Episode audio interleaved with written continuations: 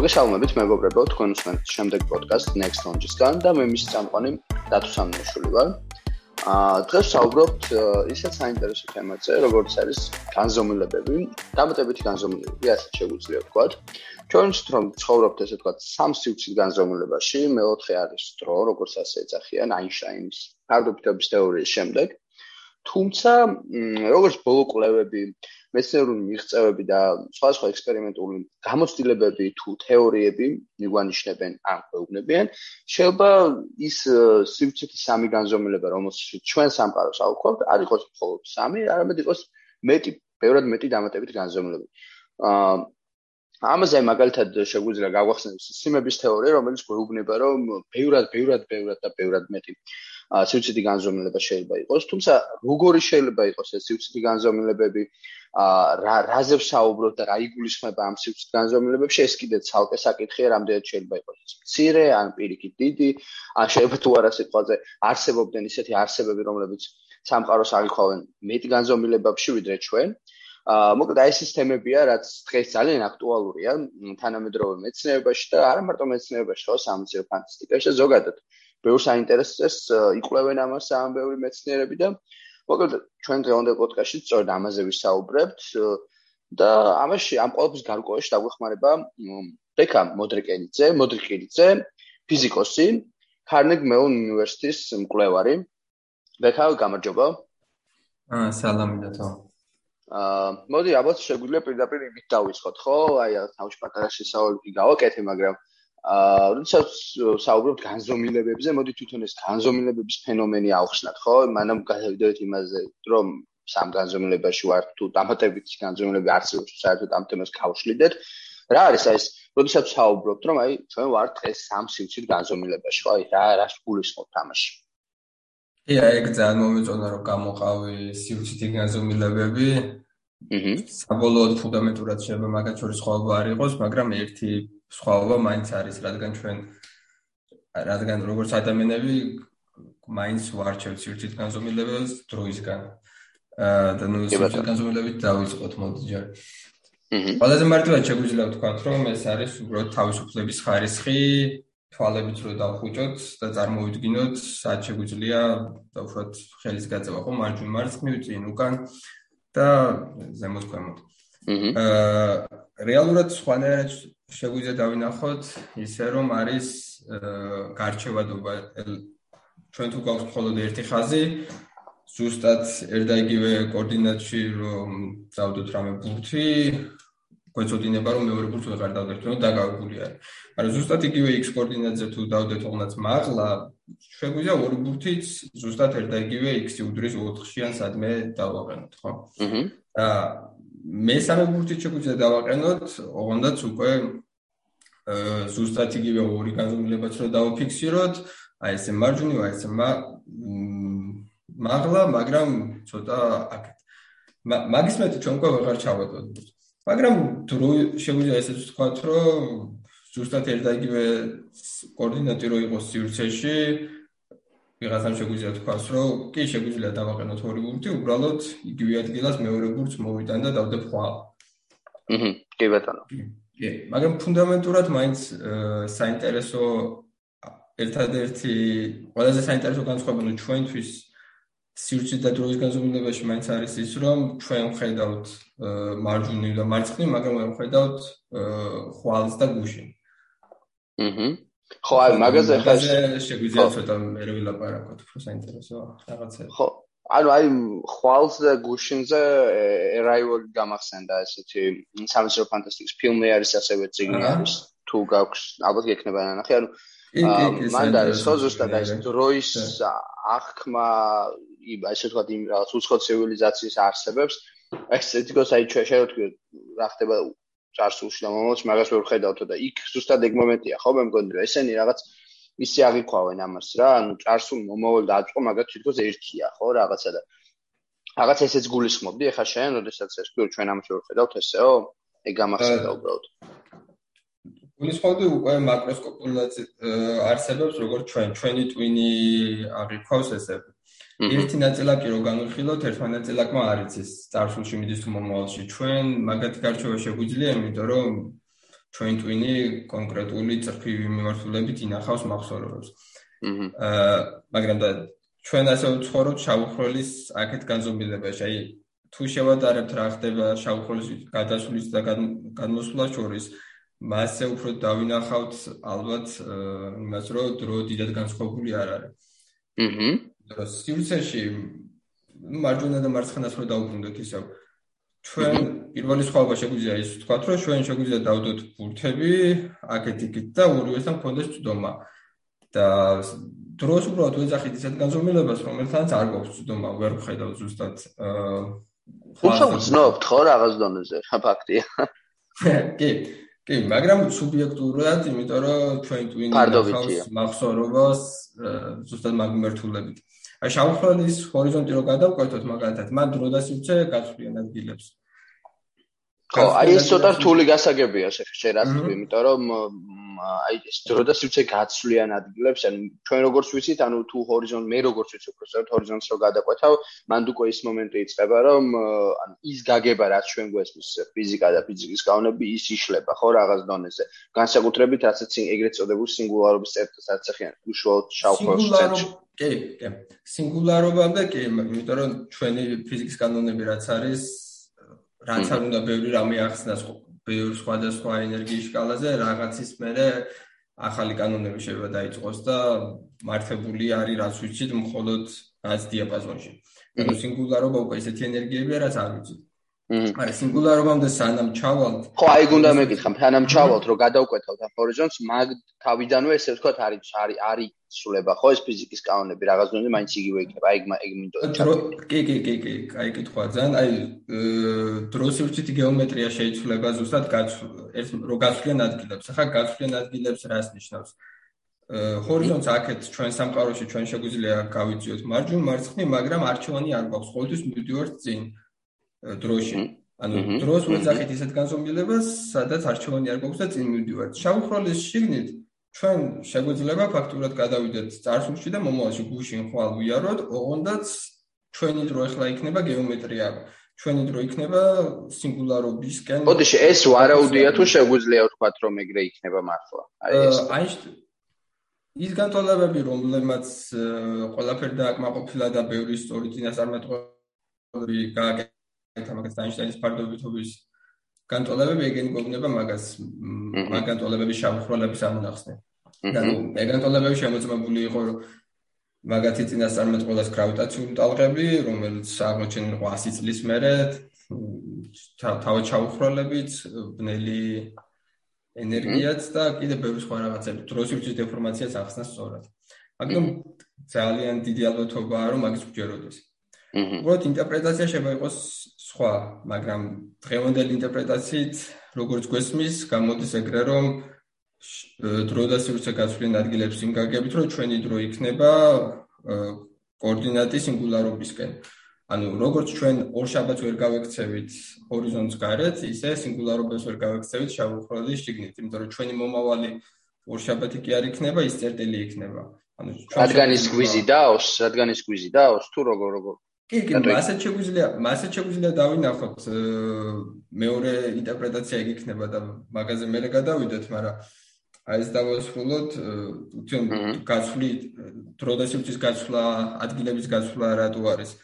თორემ ნუ არატრივიალურია და საბოლოოდ ლამაზი არის და ალბათ ჩემეზეც კარგად აჩვენებს დროსის სიმეტრიულობა ძალიან მომეწონა ეს გამონათქვამი ხა კარგად არ გქონდა აქამდე გაგებოდა ეს დროდასიუცი რო ადგილს ცვლიან შავხელში კი ან ჩვენ როგორც აქ ორ შემოს ხო ვერ გავიქცევით ისე ყოველ მომენტში ვიქნებით უფრო და უფრო ახლოს სინგულარობასთან ანუ მე შემიძლია გავიწიო მარჯვნივ მაგრამ 9 საათია გავიწევი მარცხნივ მაგრამ 10 საათია ისე იქით სინგულარობასთან მაშორებს დავშვათ 100 მეტრი შემიძლია გავიწიო მომავალში მაგრამ 90 მეტრით ახლო ვარ მე შემიძლია წარსულში წავიდე მაგრამ 80 მეტრით ახლო ვარ ან ცენტრის ცენტრს უახლოვდები და ეგ ჩემი მიმართულება გეომეტრიული მიმართულება ეგ არის დრო. და მანდ აღარ მაქვს არჩევანი ეგ და მე მეორენაირადაც მაგის დანახვა ის შეგვიძლია რომ თვითონ სივრცე ჩაედინება უფრო ჩქარა ვიდრე სინესლის სიჩქარე და მაგიტო შავხროლები ზოგადად შავხროლები მაგიტო არიან რომ ეს ჰორიზონტი რაც აქვს, ჰორიზონტი არის ზუსტად ის ადგილი, საიდანაც გამოსახწევად გჭირდება ზუსტად სინათლის სიჩქარე. ჰორიზონტი იქით უკვე გჭირდება სინათლის სიჩქარეზე მეტი და თეორიულად გამორიცხული, რადგან არის სინათლის სიჩქარეზე მეტი ჩქარა იმოძრავო, თავად სინათლეც ვეღარ გამოახწევს და ნუ სინათლეც რადგან არ აირეკლება, მაგიტომ ხედავთ რომ შავი არის. აა ან ჩვენ რაღაც ახლა ისე გამოვიდა, მე ცოტა ისე წარმომედგინა თავინა რომ უფრო პირდაპირ წავედით ჩავხროლში, მოკლედ შევედით ჩავხროლში რა და თავიდან იდეაში ჩვენი სამი სიუცითი განზომილება სიტყვაზე როგორც წარმოგიდგენი არის მაინც წინ უკან და რაღაც სიმაღლე, ხო? ანუ რაღაც აი ეგ ეგეთ იმაში ვარ და თუმცა როცა საუბრობთ ან დამატებით განზომილებაზე, იქ შენ ამბობ რომ შავხროლის ელემენტი აუცილებლად შემოსატანია რაღაც თემზე? დამატებითი განზომილებებისთვის ალბათ ალბათ არა. არა შავხროლის ელემენტი კარგი იყო ჩემი აზრით დროს სივრცის სიმეტრიის აჰა აჰა ანუ ეს ეგრეთ წოდებული მეოთხე განზომილება დროს რასაც ვეძახით ამ შემთხვევაში ამის ასაცნად ხო რომ ერთ შეხედვით ვიღაცამ შევა გააპროტესტოს რომ აი სამი განზომილება ვხედავ მაგრამ დრო ხო ფუნდამენტურად განსხვავებული რაღაც არის და არ არის ფუნდამენტურად განსხვავებული რაღაც. უბრალოდ ჩვენ მოგვიწია ისე თქვა სამყაროში ცხოვრება სადაც ან ჩვენ უბრალოდ 4 განზომილება გქონდა და ამ 4 განზომილებიდან შემთხვევით რომელიღაც პირველი მეორე მესამე მეოთხე აღმოჩნდა ისეთი სადაც წვდომ არ გქონდა და ვიწევდა მაგ მიმართულებით მოძრაობა ჩვენ და მაგას დაუძახეთ დრო. სხვანაირ სამყაროში შავხროლში რო ყოფილიყავით, დროს დაუძახებდით იმ განზომილებას, რომელიც ყოფ იქნებოდა სინგულარობისკენ მიმართული. რადგან იქაც არ გვექნებოდა არჩევანი წინ სიარულის. როგორც ახლა დროში არ გვაქვს არჩევანი წინ სიარულის, რაც არ ნოკნათ ორშაბათს ვერ გავიქცევთ.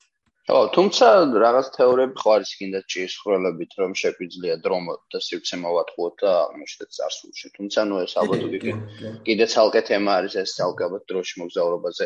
მქონდა სხვა თეორის პოდკასტი მაგაზე უკვე და ალბათ ის კიდე იმის არის თემა არის, ხო?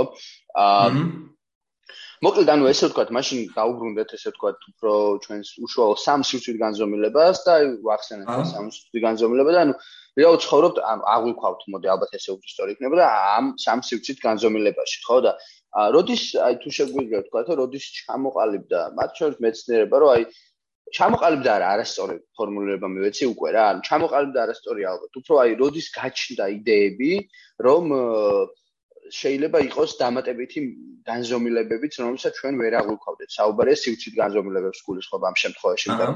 აი ხა, ბევრი ალეგორია ახსენდება ხოლმე ბევრს პლატონის მაგალითად, ოდესაც ეს გამოქვაბულისის რო არის რა, ოდესაც ადამიანები შედან, ესე ვთქვათ, უყურებენ რაღაცა კედელს და ვერ ვერ ხედავენ გამოქვაბულის გარეთ რა ხდება. და ის ანარეკლი რას არის?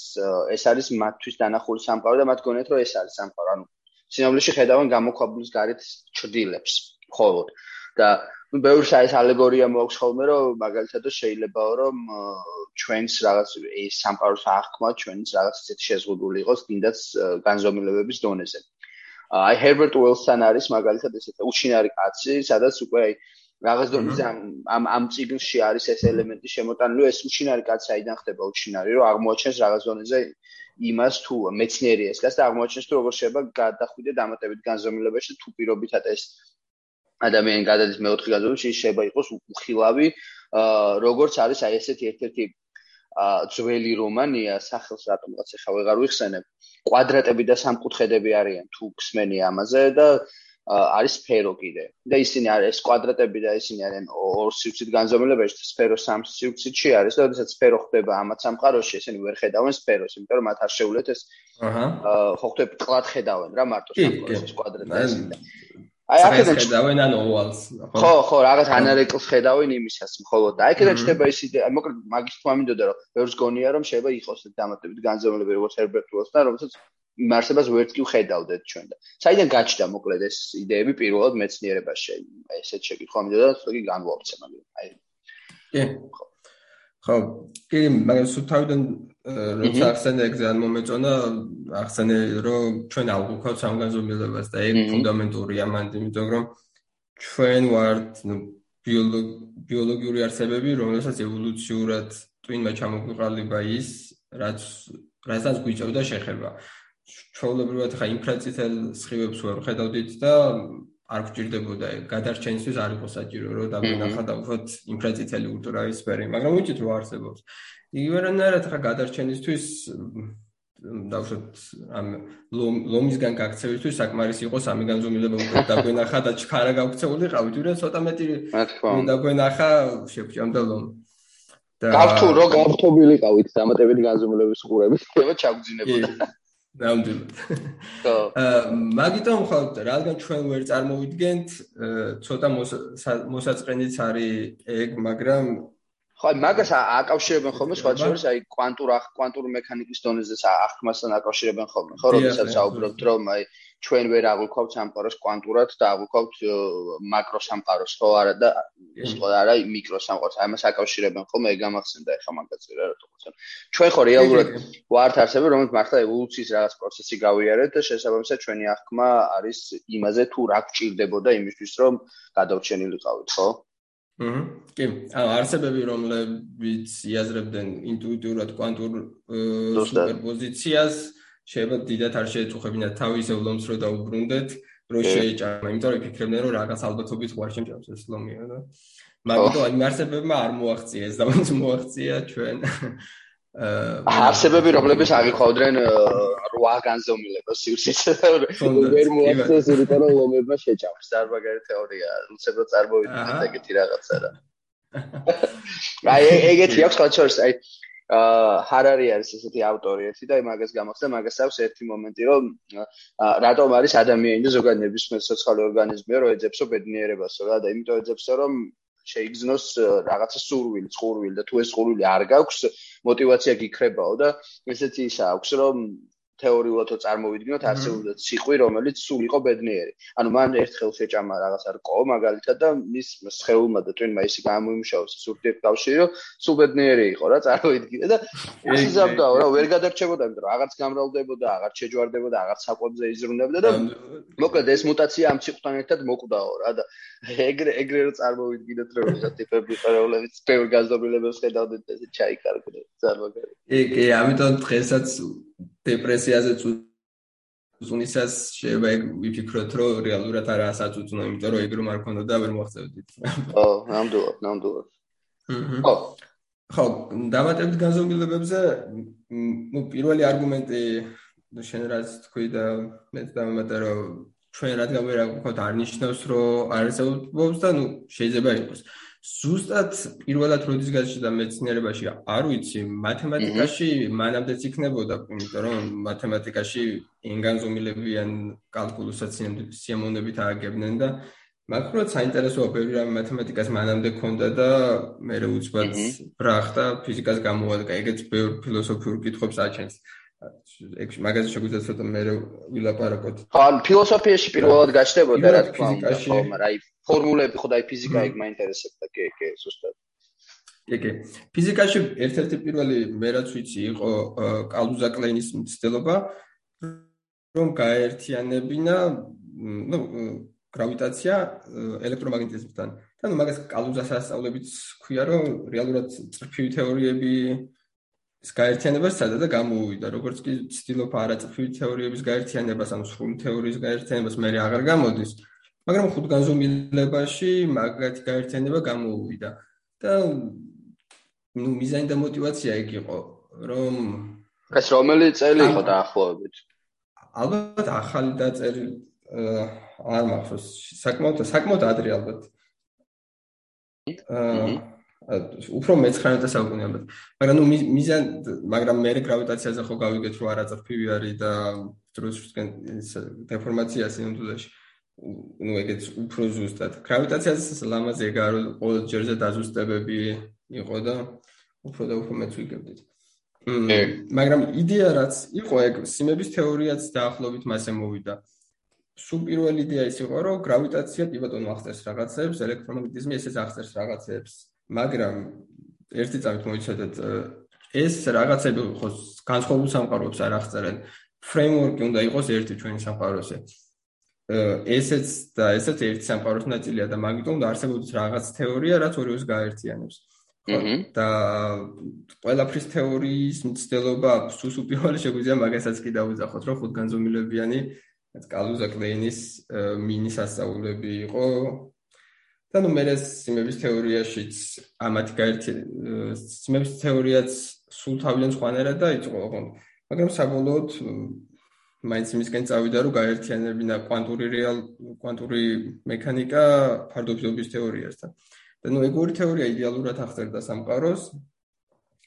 მაგრამ ერთად მაგათი შეთანხმებული თეორიის დაწერა არ გამოდიოდა.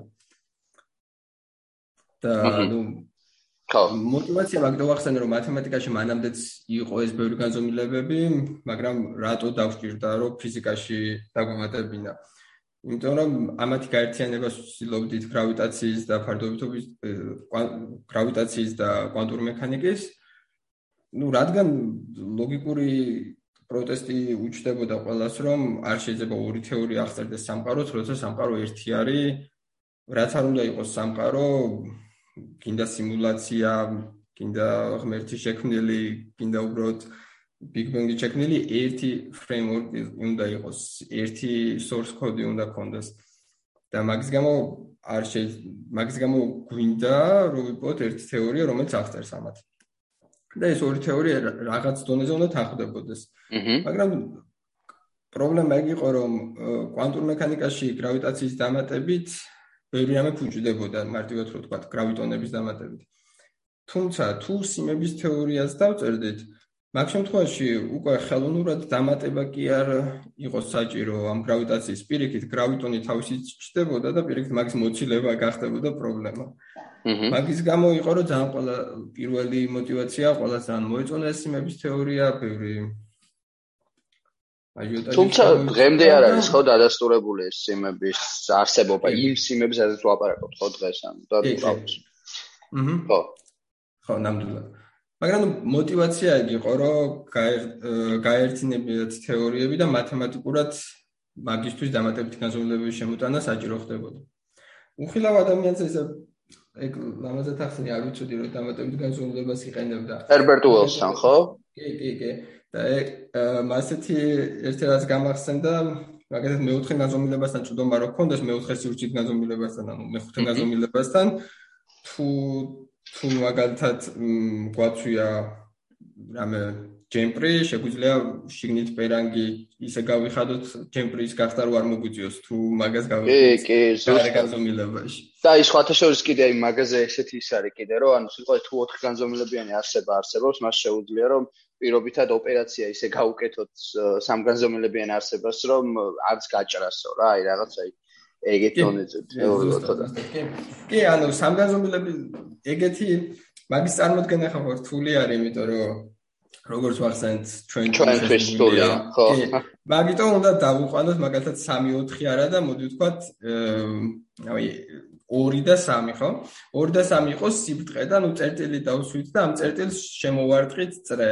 ახლა ორგანიზმებიან არსებობს გონიათ რომ გარეთ ვერ გავა ანუ გაჭრა მოუწევს ამ წრის მაგრამ სამგაზომილება არსება მიცის რომ ეს წერტილი შეუძლია აიღოს და ზემოდან გადაატაროს სტრესს და დაუდოს გარედან. აჰა, იგივე არის ოპერაციაც. აი ეს ედვინ ედვინ ებეტი ხა გამახსენდა უცებ თავიდან რომ ვერ გავიხსენე ეს ავტორების წერს. ფლეტლენდი ხო არ გაგიგია? ესეთი რომანია რა. აი დუალიც ახსენებს ხოლმე თავის იმებში როდესაც განზომილებებზე ვაპარაკობს ხოლმე რა. ძალიან მაგარი ციგნია რა მართლა რა. მე რაღაც ანიმაციას გააკეთეს ამაზე და აი ის ზუსტად ესე არის იდეალურად ნაჩვენები ეს ორგანზომილებიანი ტიპები ეს კვადრატები როგორ არიან ამ თავის ყელს სივრცით განზომილებაში და ეს სფერო რომელიც შემოდის ზემოდან როგორ უყურებს. და მე ეს სფერო ერთ კვადრატს დაუმეგობრდება და მიყავს წარმოიდგინე რა ზემოთ თავისთან აყავს და გადმოახედებს თელს იმ სიფხეს რომელშიც ანუ ეს ესე თქვა მისი თანამოძმეები არსებობენ და რომ ან ამ სიფრთხის ზემოთ რო სიფრთხეს სიმაღლეს რო ვერ აღიქვამენ თუ რაღაც. და მე ამას გაგძელება აქვს ის რომ მე მოკლედ ეს სფეროც აღმოაჩენს რომ თურმე თვითონაც ძალიან შეზღუდული ამ ამ სიფრთხის ამ განზომილებაში რა და მე აი ეს აჩენს ძალიან ბევრ ესე თქვა ინტერპრეტაციებს ძალიან ბევრ რაღაცას აჩვენებს რა აჩვენებს არა არა სწორი ალბათ უფრო აი წარმოადგენს რაღაცებს რომ რომელიც გვიბიძგებს რომ დაუშვათ ბევრი ისეთი რაღაცა როგორც არის მაგალითად იმით რომ გადავიდეთ ეხა იმაზე რა აა ბნელ მატერიაზე და ნუ ბნელ ენერგიაზე რაღაც დონეზე ანუ იმიტომ რომ ხო ვიცით რომ ანუ რაღაც სამყაროს მასის უმეტესი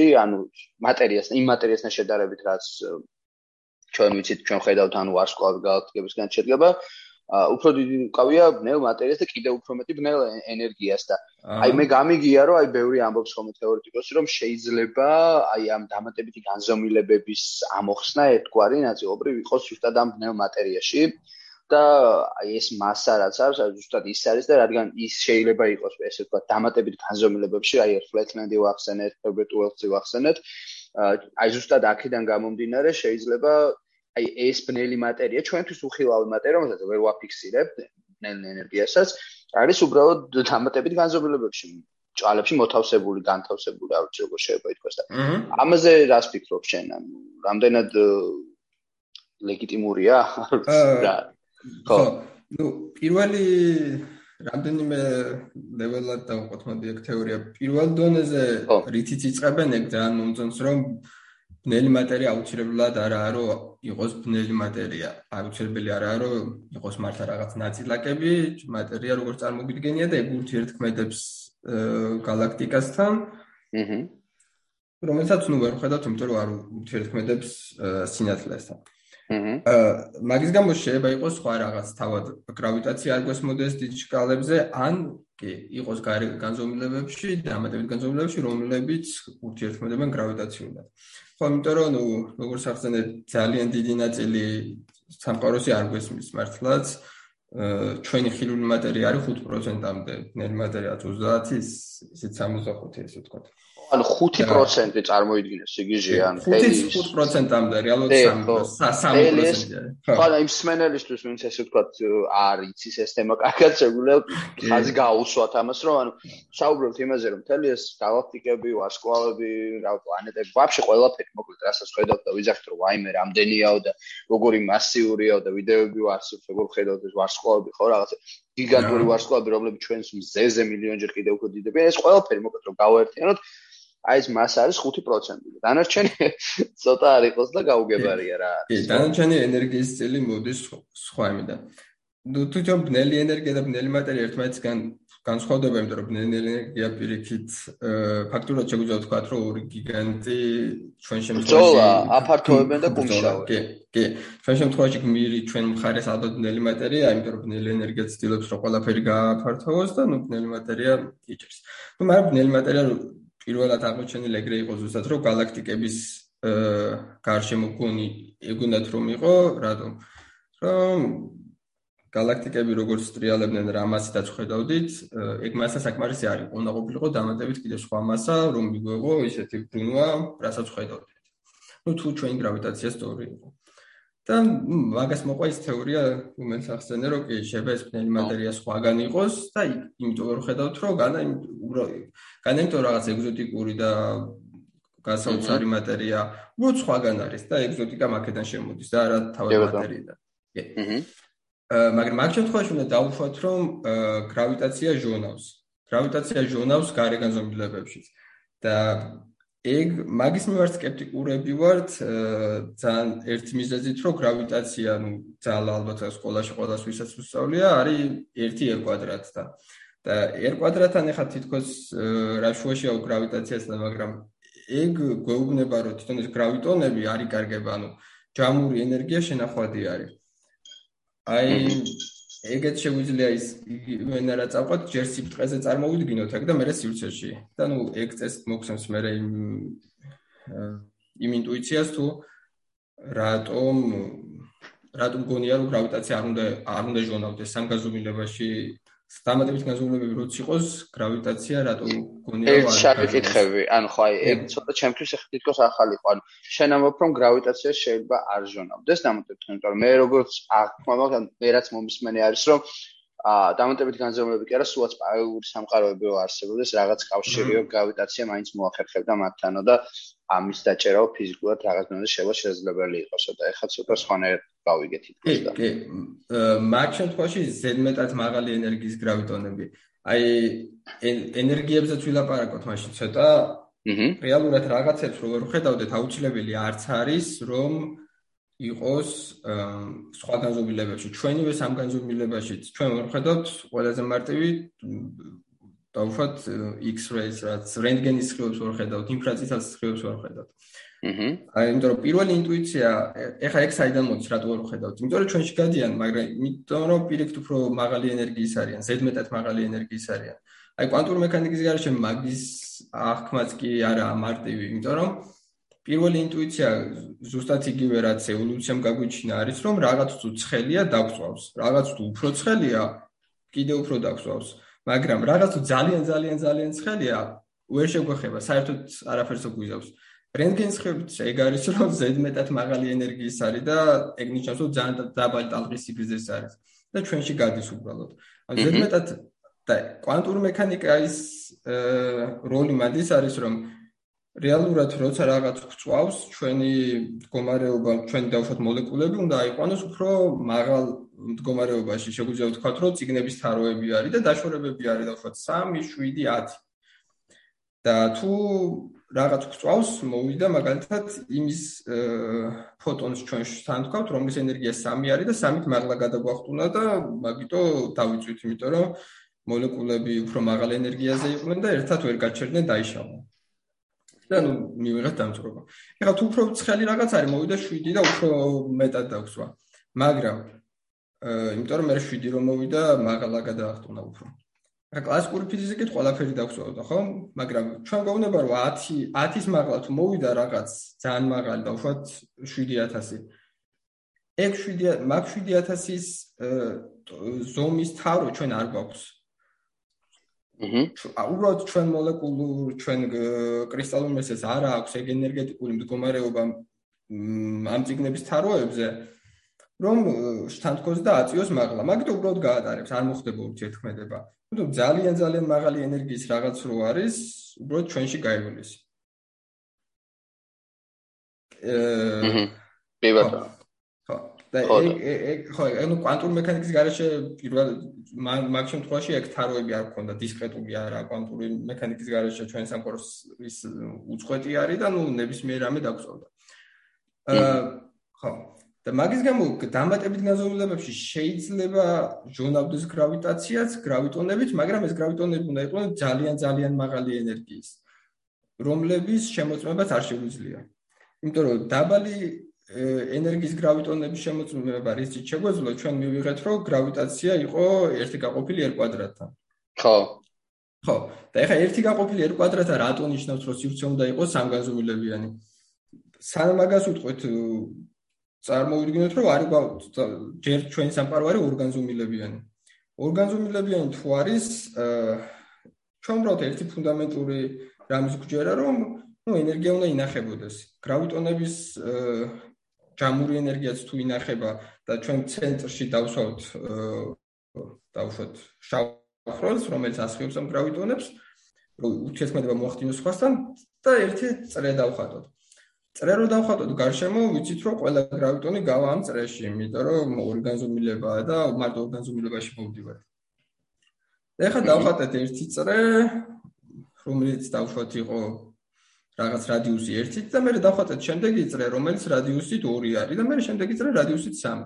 ეხლა ამ წრების ზომები იქნება 1, 4 ჯერ მეტი და 9 ჯერ მეტი. უბრალოდ ორგანიზმებაში პირდაპირ ის იქნება 1 ჯერ მეტი, 2 ჯერ მეტი, 3 ჯერ მეტი. ხო? აჰა.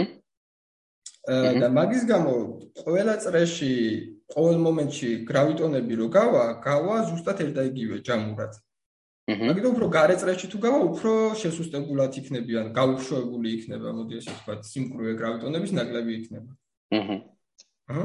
მაგის გამო თუ ჩვენ წრე, რადგან ჯამური გვინდა რომ იყოს იგივე, თუ ჩვენი წრე არის 5 ჯერ მეტი, ჩვენი გრავიტონების ინტენსივობა უნდა იყოს 5 ჯერ ნაკლები. და თუ გამრავლებული 1/5-ზე იგივე იქნება. ეხლა სამაზრუნებაში ხდება. ხო.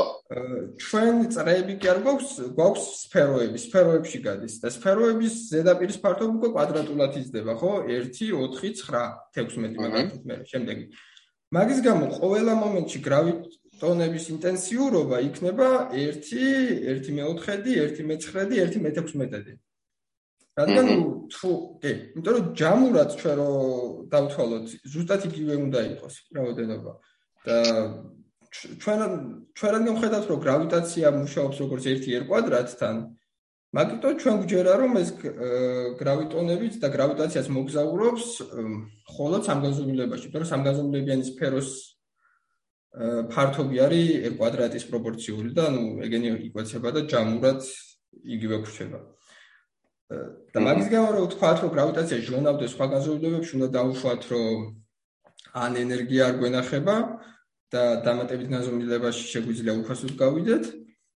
ან კიდე არის ძალიან მაღალი გრავიტო ენერგიის გრავიტონებს შეუძლიათ გასვლა და იქ რადგან შეუძლიათ გასვლა მ მაგ შემთხვევაში ჩვენ უბრალოდ ვერ ვაფიქსირებთ მაგას. მაგრამ ეს 1r კვადრატი ძალიან ზუსტად არის შემოწმებული კარგი მიახლოებით. მაგის გამო სანამ ეგ არის შემოწმებული, მან გონია რომ გრავიტაცია ვერ გადის. ანუ შენ ამბობ რომ რაღაც დონეზე შეარსებობდეს განზომილებები დამატებით სადაც გრავიტაცია ვერ გადის? რომ მარტივად რო შევაჭამოთ. კი, კი, კი. კი, ანუ დამატებითი განზომილება რო იყოს, სადაც გრავიტაციას შეიძლებოდა გასვლა ისეთ გრავიტაციას, რომელიც ჩვენი ენერგიის სადარი იქნებოდა, რომელიცაც გავზომავდით ექსპერიმენტზე, მაგრამ შეიძლება იყოს უფრო მაღალი ენერგიის, აი დაწვაზე მაგიტო ვიძახდი, რომ ძალიან მაღალი ენერგიის რაღაც თუ იქნება, უბრალოდ ვერ გავზომავთ მაგას და გამოგვრჩება.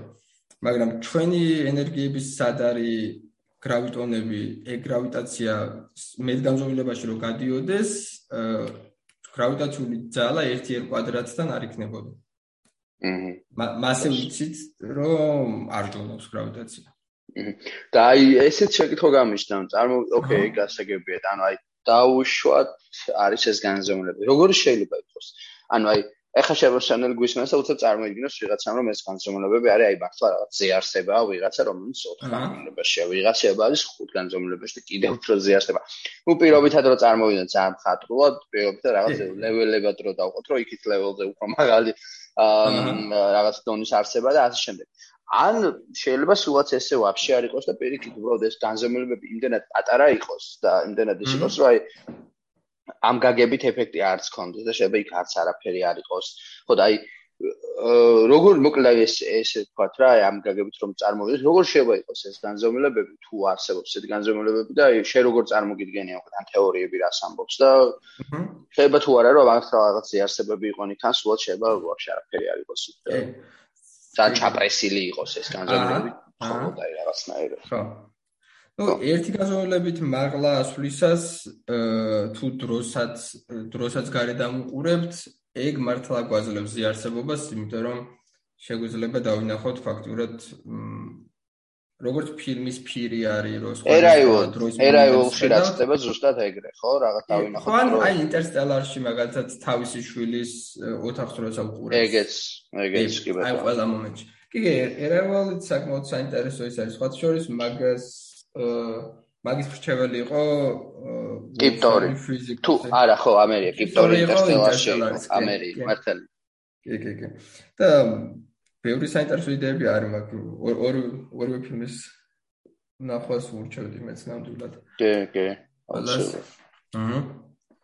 და ნუ ერთ შეხედვით უფრო ზიარსებობას გაძლევს იმიტომ რომ შეიძლება წარმოიდგინო დამატებით განზომილებაში რომ ფაქტურად მარჯვენა და მარცხენა სავით დაინახო ხვალ და გუშინ. და გეომეტრიასავით იქნება მთელი დრო. აა თუმცა ერთი ლამაზი მაგალითი არის იმისი რომ აუცილებელი არ არის ზიარსება იყოს ზედაგაზომილებაში შეიძლება საერთოდ პირიქით იყოს. და თან რამდენად დრამატულად შეიძლება შეიცვალოს ყველაფერი ერთ ერთ განზომილებას მაინც თუ დაუმატებთ. ეგ ეგ იდეა მომივიდა იქიდან რომ ფეიმანს ქონდა ესეთი თეორია რომ აჰა თელი სამყარო არის ერთი ელექტრონი. ხა ესეთი რაღაც რატო ეგონა ხო რა სიგიჟეა? ერთი ელექტრონი? თელი სამყარო არის ერთი ელექტრონი. ეხლა რაღაცისთვის რაღაც ერთი ელექტრონი. კი, იმიტომ რომ ორი ელექტრონი არის ზუსტად ერთი და იგივე. როგორც არ უნდა გავზომოთ. ეხლა ვიღაცას შეიძლება არ გაუკვირდეს და თქვას, რომ კი, მაგრამ ხო ბურცაც გავაკეთებ და ერთ და იგივე იქნება. მაგრამ ნუ რო დააზუმო რომ ნახო იმას ერთი ატომი იქეთ ექნება წაწეული. აქეთ ზუსტად ერთ და იგივე რაღაც წარმოუდგენელია რომ იყოს, ხო? მაგრამ ეს ორი ელექტრონი არის ზუსტად ერთი და იგივე. და არა მარტო ჩვენთვის, არა მარტო ჩვენთვის, რომ ჩვენ ვზომავთ მათ და ვერ ვნახულობთ ცხოვრებას. სამყაროსთვისაც კი ზუსტად ერთი და იგივეა. იმიტომ რომ ელექტრო და ეგ გვაძლევს აი ქიმიაში არის ცნობილი პაულის პრინციპი. ელექტრონებისთვის მოკლედ ორი ელექტრონი რო კონდეს და ადგილები გაუცვალოთ, მარტო ჩვენ კი არა სამყაროც ვერ გაიგებს. იმიტომ ეგ ვიცით იქიდან რომ ორ ელექტრონს ერთ და იგივე მდგომარეობაში ვერასოდეს ვერ დავსვათ. თორემ ნუ ერთ და იგივე მდგომარეობაში თუ არის ორი ელექტრონი, ადგილები გაუცვალეთ და ვიცით რომ მოგცემს ნუ სხვა კვანტური მექანიკის მათემატიკიდან რომელიც ხარ რელევანტური არა, მინუს ნიშანს. ორ ელექტრონს გაუცვალოთ ადგილი. მაგრამ თუ ზუსტად ერთი და იგივეა და ჩვენ გაუცვალეთ ადგილი და მოგცა მინუს ნიშანი, ზუსტად ერთი და იგივე რადგან იყო მოგცემ ზუსტად იგივე რამეს 1 2 და 2 1 ერთ და იგივე იქნება რადგან ვერ ვარჩევთ. და მაგის გამო თუ რაღაც x-ი არის -x-ის ტოლი, ეგ შეიძლება მარტო მაშინ როცა x-ი არის 0. სხვა შემთხვევაში არასოდეს არ გამოვა რომ რაღაცა მინუს რაღაც იყოს. თავისივე თავი, ხო? და ეგ მოდი გვეუბნება რომ ორ ელექტრონს ერთად ვერ დავსვავთ. ორ ელექტრონს ერთად ვერ დავსვავთ და მაგის გამო არის საერთოდ რომ სამყარო გვაქვს. ეგ თვისება რომ არ ყოფილიყო ატომები არ შეიქმნებოდა. ყველა ელემენტარული ნაწილი კი მინიმალურ დონეზე დავიდოდა, იმიტომ რომ სამყარო მიმართული არის ენერგიის შემცირებისკენ. და ატომები რო გქონდეს, ეს ელექტრონები სხვადასხვა თაროებზე უნდა იყოს, ატომები მოლეკულებს გვაძლევს და მე ბიოლოგიას, ქიმიას, ბიოლოგიას ვიღებ და სამყაროს როგორც გვაქვს. თუმცა ეს თვისება რო არ ყოფილიყო, ყველაფერი დაიყრებოდა ერთ დონეზე და არაფერი არ გვექნებოდა. ხო, ანუ მარტო ჩვენთვის კი არა სამყაროსთვისაც კი ეს ორი ელექტრონი გარჩევადი არ არის, ვერ არჩევს. ოდა ხა ეს აგიჟებდა ფეიმანს, როგორ შეიძლება მასეთი რაღაც. ხო, მის მასწავლებელსაც და პირველი ვისი იდეა იყო, არ ვიცი. და მაგის გამო ესეთი თეორია ქონდა, რომ რადგან ასე წარმოუდგენელია, რომ ნუ ისე იმას რომ დაუბრუნდეთ ორი ბურთი რომ გავაკეთოთ მეტალის, რაც არ უნდა ვეცადოთ რომ ერთნაირი იყო, ეს ვერასოდეს ვერ გავაკეთებთ ერთნაირად, ხო? ეს ის ელექტრონის სტალგური ფუნქცია სხვანაირად იქნება, მეორეს სხვანაირად, ერთის წარსული სხვანაირად იქნება და ზუსტად ერთ და იგივეს რაც არ უნდა ვეცადოთ ვერ გავაკეთებთ, იმიტომ რომ სურო პროტონები ერთად დავალაგოთ, მერე კვარკები, სიმებიც რო იყოს, მერე სიმები, დარწმუნებულები არ ვიქნებით, რომ სიმების ქვემოთ რაღაც სხვა რაღაცეებიცაა არ ვიცი რაც x სიმები რომლებიც სხვანაირად იქნებიან აცდინილები და ჩვენთვის თუ არ დაიგივე იქნებიან სამყაროთვის არ იქნებიან იმიტომ სამყარო ხო იცის იმ x სიმების არსებობა რომელიც უფრო ქვემოთ არის. და ჩვენ რო იდეალურად დავალაგოთ სიმებით სამყარო იტყვის რომ არა არა ვარჩევ ამათ იმიტომ რომ შეხედე იმას x სიმი 7 ცალი აქვს და შენსაც 6 ცალი. მაგრამ ესენი სამყარომაც არის ის და ესეთი რამე როგორ შეიძლება გაკეთდეს მაგიტო გამაგიჟებელი არის. იმდენ გამიჟებელი იყო ფეიმანისთვის რომ დაუშვა რომ ერთი ელექტრონი ორი ზუსტად ერთ და იგივე იმიტომ არის რომ ეს ერთი ელექტრონი დროში მოგზაურობს და ეს ელექტრონი დაუშვათ მარჯვნ რო გვიდევს მარჯვნ და მარცხნივ მარცხენა ელექტრონი წავიდა მომავალში და მოbrunდა უკან ოღონდ წრეზე წავიდა ესე ვთქვა და უკან რომ მოbrunდა უკვე იგივე დროს მოbrunდა მარჯვნივ და მაგიტო შენივე თავი რო დაინახო რომ წახვიდე წარსულში მას ეს ელექტრონი ხედავს თავის თავში, იმიტომ რომ დროში მოგზაურობს. წინ და უკან რო დადიოდეს ელექტრონი, რაღაც ერთი დროის მომენტში ბევრი ელექტრონები იქნებიან. ოღონდ მხოლოდ ერთი ელექტრონი იქნება ეს სინამდვილეში. ხო? ვაუ, მაგარი. ხო. ხო და მაგის გამო ეხლა შეხედე ესიც ყველაზე მარტივისა ხოლმე, ყველაზე მარტივი არა, მაგრამ პირველ ხო გონია რომ აი ზე არსებები შეიძლება იყოს. მაგრამ ჩვენ შემთხვევაში სამგანზომილებაში გვაქვს ადამიანები, ერთმანეთი უყვართ, გვაქვს ომები, შავუხრელები, ამ შავუხრელების გამოკვლევას ვცდილობთ ვაკეთებთ აქ ლაბორატორიებს, galaktikები და ასე შემდეგ, მთლიანი სამყარო და ერთი განზომილებით მაგლა რო ახვიდე, მხოლოდ ერთი ელექტრონი გაქვს, რომელიც აი ესე წინ და უკან დაარბის, ხო? ხო და მაგ შემთხვევაში რამდენად დრამატულად სურათი იცვლება ერთი განზომილებით მეტი რო შეგახედო, ხო? ანუ სამგაზომლებაში ვიღაცამ რო ნახოს. ნახულობთ ჩვენ სამყაროს ერთი ერთი ნაბიჯი ზემოთ ავედი და ბუმ ხედავთ მხოლოდ ერთ ელექტრონს რომელიც ესე წინ და უკან დაარბის ვაუ ანუ მოკლედ იმის თქვა გინდა რომ თუ სამგანზომილებაში მთელი ეს მრავალფეროვნება გვაქვს მთელი ეს სიგიჟე გვაქვს თავისი დრამებით და დრამებს თავი დავანებო მთელი ეს გავაკეთე ამბები ერთი განზომილებებით ზემოთ ავედით და პროსტოტიპია ელექტრონი. ესე აღვიხოთ სამყაროს. კი, კი. ნუ ნუ მაგ თეორიის მიხედვით, ეხლა მაგ თეორიას ბევრი პრობლემა აქვს და სამწუხაროდ თუ საბედნიერო. მაშინ ერთ განზომილებიანში რა ხდება ნეტა? შეიძლება მილიარდჯერ უპრესტერეს რაღაც ხდებოდეს მაგოდი. კი და კი, კი, აგ. 0.5-ში. ის სხვათა შორის სხვათა შორის კვანტური ველის თეორიას ეგ ეგ ფორმალიზმიც აქვს და ეგ ძალიან მომეწონა 0.5 რო თქვი, იმიტომ რომ სანამ ჩემით მათემატიკა არ დავინახე, მაგას ჩემით შეება ალბათ ვერასოდეს წარმოვიდგენდი. იმიტომ რომ არსებობს თეორიები, რომლებიც არის უწყვეტი უწყვეტი ცალი განზომილების, ანუ 7 განზომილებიანი სამყარო კი არა, 2.7 განზომილების სამყარო. და ეგეთ მაგების წარმოდგენა კიდევ უფრო შეუძლებელი არის. მაგიტომ 0.5 რო თქვი შენ. ანუ რა გამოდის მართლა რომ ისე ვიქნებოდით რომ ბევრი რამე არ ვიცით? აა ბევრი რამე არც ვიცით და პრობლემა ისაა რომ ჯერჯერობით ექსპერიმენტალურად მაგებს ვერ ვზომავთ და ჩვენით ჩვენ კვანტურ მექანიკის წარმოდგენაც არ შეგვეძლო ხო? ხო. მათემატიკა ეგ არის ხოლმე რომ ზოგჯერ თვალები უნდა დავხუჭოთ მათემატიკას უნდა მიუყვეთ და სამყარო მათემატიკაზე მუშაობს თუმცა ეგეც იგიჟია ეგ ახსენოთ კიდე ძალიან საინტერესოა სამ რატომ მუშაობს მათემატიკაზე სამყარო და მე მათემატიკას მიუყვებით მივიღებთ რაღაცას და ის რაღაც ის რაღაც მუშაობს უკვე რო ხედავთ რომ მუშაობს მე უკვე ვიწყებთ ფიქრს მოიცადე ეს კატა ცოცხალი და მკვდარი ერთად არის, როგორ ესეთი რამე ხო არასოდეს მინახია და ჰმ, როგორ ჩანს ნამდვილი რეალობა ესეთია და არა ისეთი რაც რასაც მე ვხედავდი ჩემ ქვე ქვე ქვე ქვე რეალობაში. ხო, მაგრამ მათემატიკაზე რატო არის ხა სიგიჟე რომ მათემატიკა მუშაობს, ხო, მე რა მუშაობს, რა გვინდა ისე.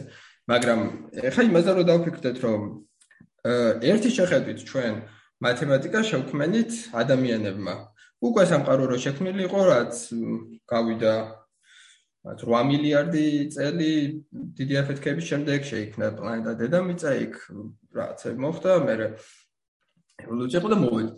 და დაუწყეთ რაღაცების ხატვით ქვიშაზე და მივიღეთ მათემატიკა, მოკლედ ძალიან დარწმუნებული ვარ თუ რომ ჩვენ ეს მათემატიკა შევქმნით. მაგრამ მე აღმოვაჩინეთ რომ სამყარო რომელიც ჩვენამდე იყო ზუსტად იდეალურად მიყვება მათემატიკას. სამყარო მუშაობს მათემატიკაზე ასე ვთქვათ ისეთ რაღაცებზე რაც შემოწმებული არ ქონდა არ იყო რომ მაგალითად მათემატიკას როცა წერდით მაშინ არ ვიცოდით რომ შავხროლები იყო ანუ რომ დაგვენახა შავხროლი და აგვე წერა ის რომ აჰა ეს ესე მუშაობს კი მაგრამ მათემატიკა ჩვენ დავწერეთ რაღაცები და მე აღმოვაჩინეთ რომ თლიანი სამყარო არა მარტო გალაქტიკის მეორე ბოლოშიც ზუსტად იმას მიუყვება, რაც ჩვენ გონია, რომ უნდა გამოდიოდეს ჩვენი მათემატიკით და მაგაზე ძალიან დიდი ფილოსოფიური კითხვა ჩდება შემდეგ. კი, მაგრამ ჩვენ გამოვიგონეთ მათემატიკა თუ აღმოვაჩინეთ? და ჩვენ და მაგაზე არ გვაქვს პასუხი. გამოვიგონეთ თუ აღმოვაჩინეთ? ე იმიტომ რომ გამოვიგონეთ, იმიტომ რომ ხო რა ჩვენ გამოვიგონეთ, მაგრამ აღმოვაჩინეთ მოიცა სამყარო მიყვება მაგას რატომ მიყვება მაგას არ ვიცი და ეგ მაგაზე კითხვის მაგ კითხვაზე პასუხის გაცემაც ბევრი რამს მომცემი იქნებოდა ჩემს. ვა. ო ძალიან ძალიან ის არის რა ქვია დამოფიქრებელი ეს ყველაფერი. როგორც მინიმუმ და საინტერესო. მე მაგიტომ მგონია ხოლმე ხა შეიძლება ცოტა სხვაგან წავიდე მაგრამ მე მგონია არ ვიცი შე რას ფიქრობ ამაზე მაგრამ აი ადამიანის გონებრივი შესაძლებლობები, ანუ აი თავიდან შენც ეგ აღნიშნე და სულ მაგას ვამბობ ხოლმე რა მეც აი რომ მაგაზე რომ ვფიქრობ ხოლმე რომ ხო ანუ რაღაც ევოლუციის პროცესის ნაწილი ვარ რეალურად და იმას ის დიდად შეიძლება არ აინტერესებდა შენ ხა. ეს არსება კვანტურ მექანიკას აღიქოთ თუ არ აღიქოთ არა მარტო კვანტურ მექანიკას, ხო უფრო აი საბაზისო რაღაცეებისთვის ვარ, ხო, თითქოს ანუ ეს სკილები გაგვივითარდა იმისთვის, რომ ხიდან ჩამოვიდე ორი ხელი გამეთავისუფლა და დავიწყე იარაღის შექმნა და ასე შემდეგ პირობითად და აა მე მგონია რომ აი სადღაც სულ იმას ანუ აი ეს ჩვენი აი შე რო თქვი მათემატიკაო რა, თქო ჩვენი გამოგონილია თუ ისე რა, აი ზოგადად იქნება ეს ჩვენი აღქმები ძალიან ძალიან შეზღუდულია სინამდვილეში რა, ანუ რაღაც ეტაპი გავიარეთ შეიძლება ამ ცნობიერის განზომილებები და ანუ წარმოიდგინე რაღაცა გადავლახეთ სიტყვაზე რაღაც შევინეცეთ ვიცით რომ ვარსებობთ მაგრამ შეიძლება ისეთი ელემენტარული რაღაცებს პროსტა ფიზიკურ დონეზე ჩვენ ტვინი ვერ იაზრებს რა აი შეიძლება იყოს ეს რაღაცები მოკლედ იმის თქმა მინდა რომ რაღაც ცივილიზაციები ზე არსებამ მითხრას რაც კიდე ამიხსას მაინც ვერას ვერ გავიგე ხვდები აი რას ვამბო? კი, კი, კი, აი ეგ ძალიან ძალიან მოსაწყენი არის ხოლმე მაგაზე მეც ბევრჯერ მიფიქრია. ძალიან მოსაწყენი არის, რომ კი, ანუ რამდენად აი სამყარომ რამდენად დაუშვა მოკლედ ევოლუციის პროცესმა რამდენად დაუშვა ამ გზით რომ ჩემს twins კონდეს მოკლედ იმის პოტენციალი ყველაფერი გაიგოს. ანუ მე თუ სიტყვაზე ხო აი ხო ხდება მე თუ სიტყვაზე გასაგებია რომ არ ვიცი რაღაც მაგრამ აი მათემატიკა მეუბნება რომ აი მას გაგაგებინებ. ამ ფიზიკა და მე ვიგებ ო ოკეი თურმე დრო ფარდობითი ყოფილა და გავიგე მაგრამ იქნება არსებობს და ფუნდამენტური პასუხების ნამდვილად ისეთია რადგან მე რაც გინდა ამიხსნა, რაც გინდა ფორმულა, ვერ გავიგებ ფიზიკურად ვერასდროს. როგორც ახლა ჩემ ძაღლს ვერ აუხსნი, რომ მე კომპიუტერი გამოვთე. პირობით, ანუ მან შეიძლება დაინახოს, რომ კომპიუტერი გამოირთო.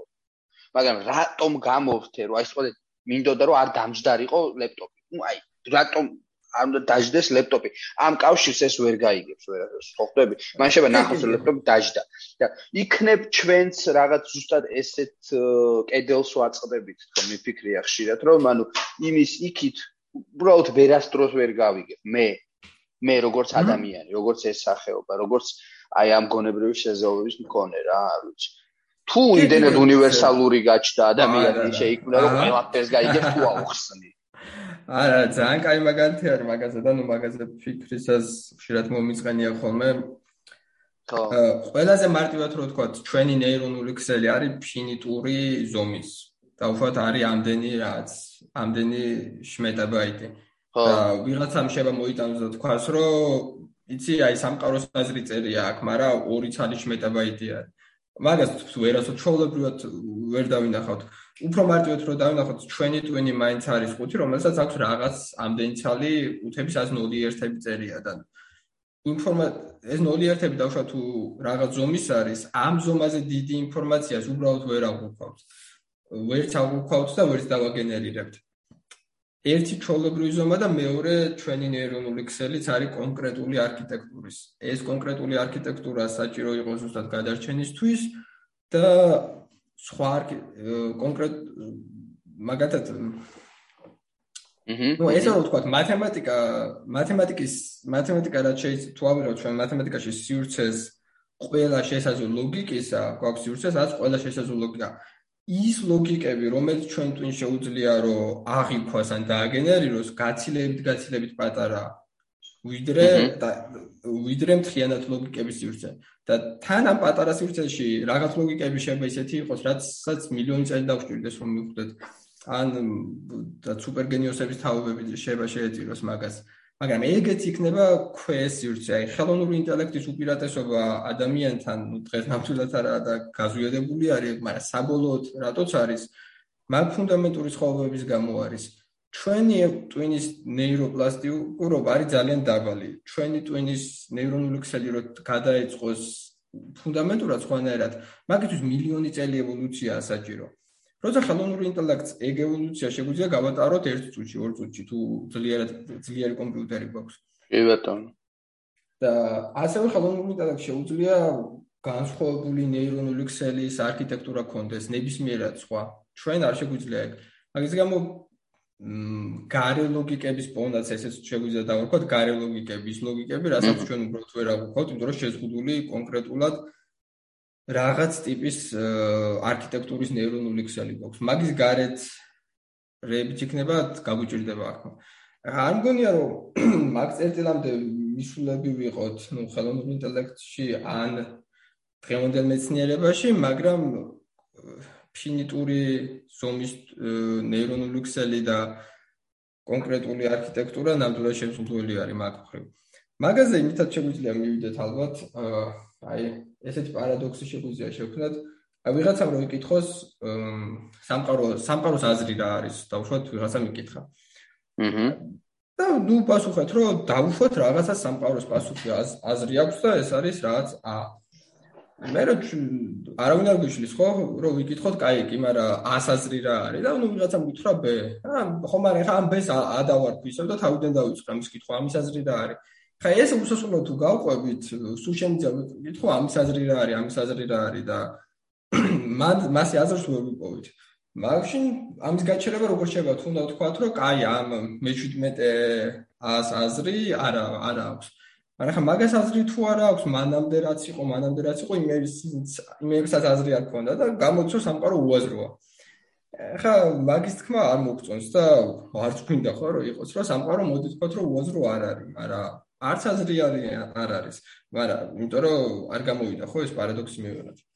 ხო მაგრამ სიამდვილეში მაგის ახსნა მაგიდან სხვა გაკვეთილი უნდა მივიღოთ სიგაკეთილი უნდა მივიღოთ რომ სამყარო არც აზრიანია და არც უაზრო არის. არის რაღაც სხვა. რისი ახმას არ შეგვიძლია ჯერჯერობით აზრიანობა და უაზრობა ეს ცნებები შეიქმნა ჩვენ სოციუმში დედამიწაზე რომელიც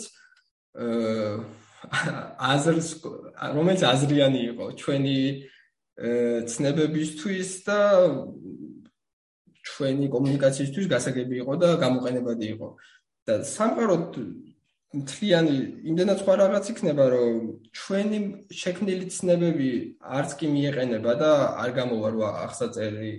ანუ არ ზუსტად, აი, აი მაგაში მივდივართ, რომ ეინის და აღქმის პრობლემა. ანუ მართლა ეგ არის რა, აზრი და უაზრო არნიშნავს იმას, რომ თუ ამ ორში რაღაცა არ ექცევა, ესე იგი სხვა რაღაცა ზუსტად. მე ესე გავიგე. ანუ მაგას კი კი კი კი კი, მაგრამ არის რაღაც სხვა რაღაც არც კი ვიცით. მაგას ეგეთი ცნება არ გვაქვს. კი კი. ამიტომ სამყაროს ну საბოლო ultimate answer ხო საბოლო პასუხი ხო თუ რაც ხო ქვია მაგას სამყაროს აზრი რა არის და საბოლო პასუხის მიღებამდე საბოლო კითხვის დასმაც კი არ შეგვიძლია ჯერჯერობით ზუსტად ზუსტად მაგაშია პრობლემა. ანუ ზაღლებს რომ გადაეჭოთ რომ სამყაროს ლეპტოპი შეიმესნონ და არიცოდნენ ელემენტარულად თუ რა დანიშნულება აქვს ლეპტოპს და ისინი უბრალოდ იკვლევდნენ რაღაც შიგნით ელემენტებს და ანუ რაღაც აი ეგეთ დონის არის რა მე მგონი საბოლოოდ არა კი კი ალბათ ხო, იმიტომ რომ ისინი თავისი ნეირონული ქსელი განავითარებინათ. ზუსტად. ამიტომ მე ზოგადად მან ყოველთვის მივდივარ ხოლმე რომ აი ეს პოსტჰუმანისტური იდეებისკენ თუ რეალურად მარ თუ რეალურად მართლა გვინდა რაღაც შევიმეცნოთ, გჭირდება ეს პოსტჰუმანისტური ერა და აღქმები, რაც ადამიანს რაღაც ახალ ეტაპზე აიყვანს, საუბრს. ადამიანს ადამიანს რა ზოგადად გონს თორე. შეიძლება ის ადამიანს საერთოდ რაღაც იყოს ხო რაღაც შემდეგი. კი კი კი ნამდვილად ანუ ბიოლოგიურად რაც მივიღეთ ნამდვილად კარგი იყო მაგრამ მაგაზე მიჯაჭვული არ უნდა ვიყოთ. მის თუ მეტეს თუ გვექნება ისეთი ამბიციები რომ გავიგოთ სამყაროს აზრი. ნუ რამე სიმბიოზზე ფიქრი აი ილონ მასკის ნეურალინკი რასაც აკეთებს მაგის საბოლოო მიზანიც არის რომ ხელოვნურ ინტელექტს უბრალოდ კი არ მივენდოთ, რომ რაღაც მე ჩვენზე ჭკვიანი რომ იყოს, პრინციპო სამყაროს აზრი ჩვენ ვერ აგვიხსნის და სულ რო არ გაბოროტდეს და მოგვიაროს შინაურ ცხოველებად ვიგრძნობთ ხო თავს მე და პრინციპო სამყაროს აზრი ჩვენ ვერ აგვიხსნის გამახსენდა ეხა იმაზე კიდე აა რა ქვია ვაიმე აა Hitchhiker Galaxy. აა მან დარის ესეთი მომენტი რომ ხო შექმნიან რაღაცა სუპერკომპიუტერს რომელიც ეთქვის რომ რამდენიმე მილიონი წელი დამჭირდება ამის გამოსათვლელად და თელი ის არის რიტუალი ეს მილიონობით ადამიანი თუ რაღაც არსებები მოკლედ ამას ელოდებიან გავიდა ეს მილიონობით. წელი ეს ეუბნება 42 ხო და ეგ არის რეკე 42-ია სამყარო თვითონ და 42 რა არის თავის თავადად ჩვენ წარმოქმნიან არა ჩვენ თავის თავადად იმის წარმოქმნას არ გვაქვს ზოგადად ნიუტები რა არის რა უკვე ფილოსოფიაში გადავალთ მაგრამ ნუ რაღაც მაგრამ ხო ანუ ნეირონული ქსელის extension გაფართოება ერთ-ერთი გამოსავალი იქნება რომ რეალურად cloud-ზე თუ გვექნება twin-ი მაგალითად რამდენიმე ჩვენი ნეირონუქსენელთან ერთად როს კომპიუტერს რამი ჩაამატო, ისე გვექნება, ისე შეგვიძლია დამატებითი ნეირონუქსენების დამატება. ახლა ეგ ძალიან წარმოუდგენელად გიჟღერს, მაგრამ რო დავფიქრდეთ, ну cloud-ი რატო თქვი კიდე, მაგ შემთხვევაში შეგვიძლია რამდენიმე სხეული გქონდეს, აი Rick and Morty-ში არის Unity მაგალითად, თუ გაქვს ნანახი. კოლექტიური, კი, კი, კოლექტიური, კოლექტიური ინტელექტი არის და ну რამდენიმე სხეული აქვს. და ახლა ეგ თვითონ წარმოუდგენელად პლანეტაროა. ხო, ა პლანეტარებული რიკის. არა, არა, ეგ. თუ ამერია. რიკის შეყარებული ეგეც არის, ხო, პლანეტას პლანეტას პლანეტას თანაც კი ქონდა რაღაცეები რიქს ნაუ. აა იუნიტაი ბევრ ადამიანში ერთადაა და ნუ ერთი ტვინი არის და ბევრი სხეული. ხო, ხო, ხო. ხო. აჰა. ხა და ეგ ვითომ წარმოუდგენელია, ხო?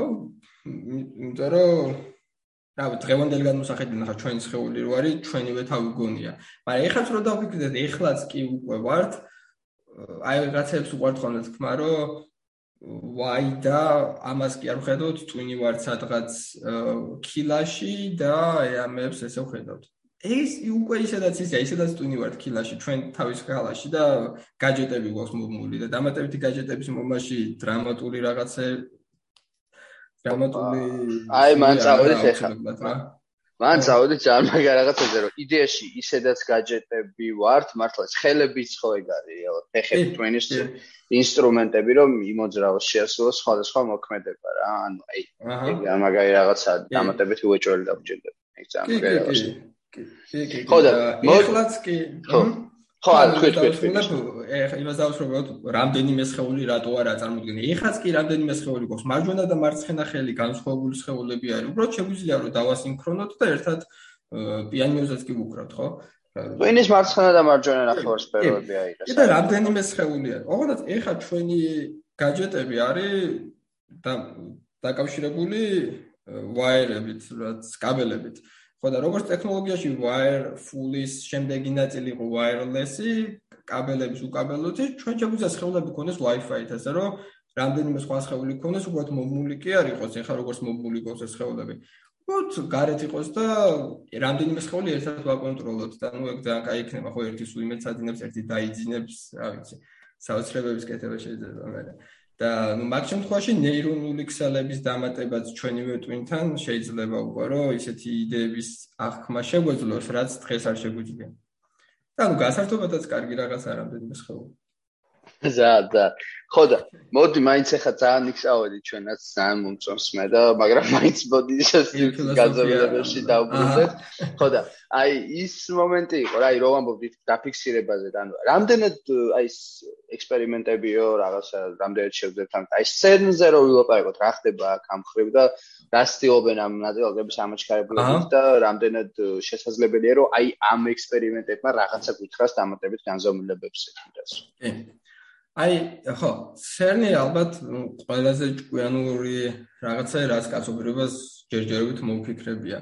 ну აი ეგ ექსპერიმენტი რომელიც აა აჩქარებს ნაწილაკებს თითქმის სიჩქარემდე და თითქმის სიჩქარემდე როცა მოგ ხალხაცა იფიქრებს რომ ხო რა მათ გუდინავ საქმე გააკეთეს რაც შეეძლოთ გააკეთეს მაგრამ მან შეზღუდვა ინჟინერული და ტექნოლოგიური კი არ იყო იყო ფუნდამენტურად სამყაროს წესების მიერ სიენს სიჩქარეს როგორც კი უახლოვდები სამყარო დროს ანელებს შენთვის. რო სიენს სიჩქარეს ვერ გადაასწრო. ანუ სამყარო იმდენად ზრუნავს იმაზე რომ არაფერი მას სიენს სიჩქარეს ჩქარა არ იმოძრავოს ანუ ჩვენ ვერ დავინახოთ ეს. როგორც კი სიენს სიჩქარეს უახლოვდება რაღაცები დროს ან დროს უნელებს. და მაგ ზღრამდე არის მიყვანილი რომ პროტონები თითქმის სიენს სიჩქარემდე არიან აჩქარებულები ან თეორიულად მაგაზე კარგად უკვე ყვეღარიზავდნენ და ამ ნაწილაკებს აჯახებენ ერთმანეთს. და ამ ნაწილაკებს აჯახებენ ერთმანეთს და იღებენ ძალიან მაღალ ენერგიებს. ეგ ენერგიები არის ალბათ ამ მომენტის სამყაროში, ნუ შავხროლების სინგულარობებს თუ გამოვრიცხავთ, რასაც ხედავთ, ყველაზე ცხელი ადგილი თლიან სამყაროში, ნუ თუ ასევე უცხო პლანეტებს გამოვრიცხავთ, ну რასაც ხედავთ მაგიტომ არის CERN-ში მაგ მაგ წერტილში შეჯახებების დროს ეგ ტემპერატურები არის თითქმის იგივე რაც დიდი აფეთქების დროს იყო ეხლა ეს მაღალი ენერგიები რა თქვინდა მაღალი ენერგიები გვინდა ზუსტად მაგიტო აი რომ ამბობდი რომ ვაი და გრავიტაცია თუ ჟონავს ისეთი ისეთი გრავიტონები ჟონავენ რომლებიც ზედმეტად მაღალი ენერგიის არიან და ვერ აფიქსირებენ ხო ზედმეტად მაღალი ენერგიებზე რო ავდივართ ну ერთ შეიძლება რომ ახალი ნაწილაკები წარმოიქმნას რომლებიც მანამდე აღმოჩენილი არ ქონდა და ძალიან ბევრი ნაწილაკი აღმოაჩინეს მართლა. და მეორე შეიძლება რომ ამ ნაწილაკებმა გაჟონონ გარე გაზომილებებში. მაგიტომ მაგების შემოწმება შეგვეძლებოდა. თუმცა სიმების თეორია რასაც წინასწარმეტყველებს, სიმების თეორია, ბავშვად სიმი რო დავინახოთ. მაგ შემთხვევაში ჩვენ დაგვჭირდება, აი როგორც იმ კომპიუტერმა მოითხოვა 2 მილიონი წელი რაღაც მასეც ვიტყვი ახლა. ჩვენ დაგვჭირდება galaktikis ზომის ამაჩქარებელი საშენება. თლიან galaktikis ზომის, რომელიც 200 მილიარდ ვარსკვლავს შეიცავს თავის დედამიწებიანად და ყველაფრიანად. თითო ვარსკვლავს რო პლანეტები აქვს. აგრეს სიმების თეორიას მასე ვერ დავინახავთ და სამწუხარო როგორც აღნიშნე ყველაზე ჭკვენური რაღაც კი არის რაც მოვიფიქრეთ, მაგრამ სიმების თეორიის დასანახად რაღაც სხვა სხვა სხვა რაღაც მოფიქრება დაგჭირდება. დამატებითი განზომილების დანახვა, ну, ალბათ თუ თუ ნაწილაკები ჟონავენ სხვა განზომილებებში. აჰა. აა ეგ ნაწილაკები არიან იმდენად მაღალი ენერგიის, რომ ჯერჯერობით ვერ წუდებიან. თუმცა მანამდე რამდენი რამეც გააკეთა ცერმა, ну, საოცრად ლამაზი იყო და კარგი იყო, ბოლო 50 წელიწადში გააკეთა სტანდარტული მოდელის ნაწილაკები რაც გვაქვს, ფაქტიურად ფაქტობრივად მთელი სამყაროს ბლუპრინტი დაგვიდო, ესე ვთქვათ, სამყარო რისგან რისგან შედგება თითქმის ყველაფერი მოგწა და რაც თეორიულად იყო ნაწინასწარმეტყველები, მე დავინახეთ. ну, სხვა შორის ინტერნეტის გააკეთა და აჩუქა გზად კაცობრიობას, თუმცა ახლა მაინც ინტერნეტ ახლა მაინც ჭირდება ხოლმე დაფინანსებები და რაც რამდენიმე მილიარდის დაფინანსებას ითხოვს ხოლმე წლიდან წლამდე და ეგ ცოტა ისეთი არის. ირონიულია, იმიტომ რომ ინტერნეტში გიგანტები რაც არიან, ახლა Google-ის უკვე 2 ტრილიონი ღირს დღეს და ადგილი რომელმაც ინტერნეტს შექმნა ინტერნეტი გადარჩენისთვის ახლა ფაქტიურად წლიდან წლა. ხო.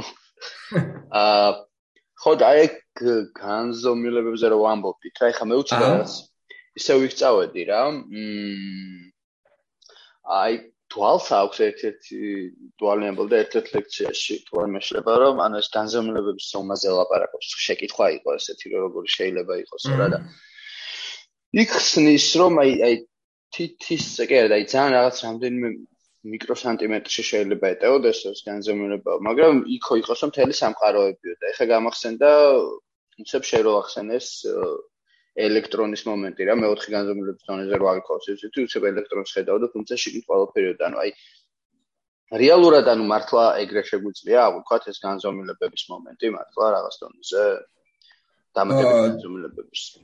ну ორი რამე არის ხომ ან ერთი რამდენად პატარა შეიძლება იყოს განზომილება და მეორე რამდენად რამდენად ბევრი რამდენად ბევრი რამე არის ჩატევადი შიგნით, ხო? ხო, აი აი ეგ ვიკითხე რა, შეიძლება ფორმულება ვერ მოვახდინე კარგად თქო. რამდენად პატარა შეიძლება იყოს მოკლედ ეს განზომილება და რამდენად რაღაც შეიძლება შეიძლება იყოს აქში განმოთავსებული და პირიქითაც რო დავატრიალო და ესეც შეკითხოს რამდენად დიდი შეიძლება იყოს ეს და აი თუ აქვს ამ შემთხვევაში ზომას მნიშვნელობა თუ რაღაცა რა. კი. ну ზომას რეალურად ჩვენ ძალიან სხვანაირად აღვქვათ ენერგიას და ზომებს, მაგრამ რეალურად ერთი და იგივე არის. ანუ მაღალი ენერგიები ნიშნავს პატარა ზომებს. ძალიან მაღალი ენერგიის თუ არის, ნიშნავს, რომ მაგის ტალღები არის ძალიან ძალიან პატარა. მაგის გამო ერთ-ერთი მიზეზი თუ რამდენად პატარა არის და ძალიან პატარა არის, თუ დამატებითი განზომილებები არის, რომელსაც ჩვენ თანკვეთ აქვთ, ისინი უნდა იყოს ძალიან პატარა, იმიტომ რომ შედარებით დიდები რო ყოფილიყვნენ, შედარებით დიდში გაეტეოდა შედარებით დაბალი ენერგიის ნაწილაკი. რომელსაც CERN-ში შევქმნიდით და ვნახავდით, რომ გაჟონა. მაგის გამო, რადგან დამატებითი განზომილებები ჯერ არ გვინახია, ეგ საკმაოდ მკაცრ პირობას ადევს ადებს დამატებითი განზომილებებს, რომ ეგენი უნდა იყოს პატარები. ასევე ჩვენი განზომილება არის გონია, რომ გახსნილი, მაგალითად, გახსნილს რაც გულისხმობ. ნუ ჩაკეტეს ვიტყვი და ალბათ უფრო გასაგები იქნება. სიბრტყე რო დავინ სიბრტყე რო დავხაზოთ შეგვიძლია ვიაროთ ხო წინ უკან მარჯვნივ მარცხნივ მაგრამ ამ სიბრტყეზე შეგვიძლია ჩვენ რგოლები დავადოთ ზემოდან. აი ეს რგოლები შეგვიძლია თქვათ რომ არის დამატებითი განზომილებები ოღონდ ეგენი შეკრულები არის.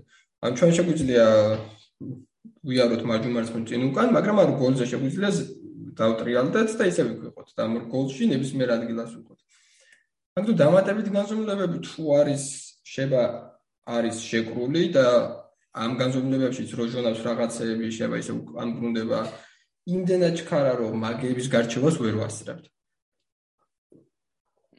აჰა.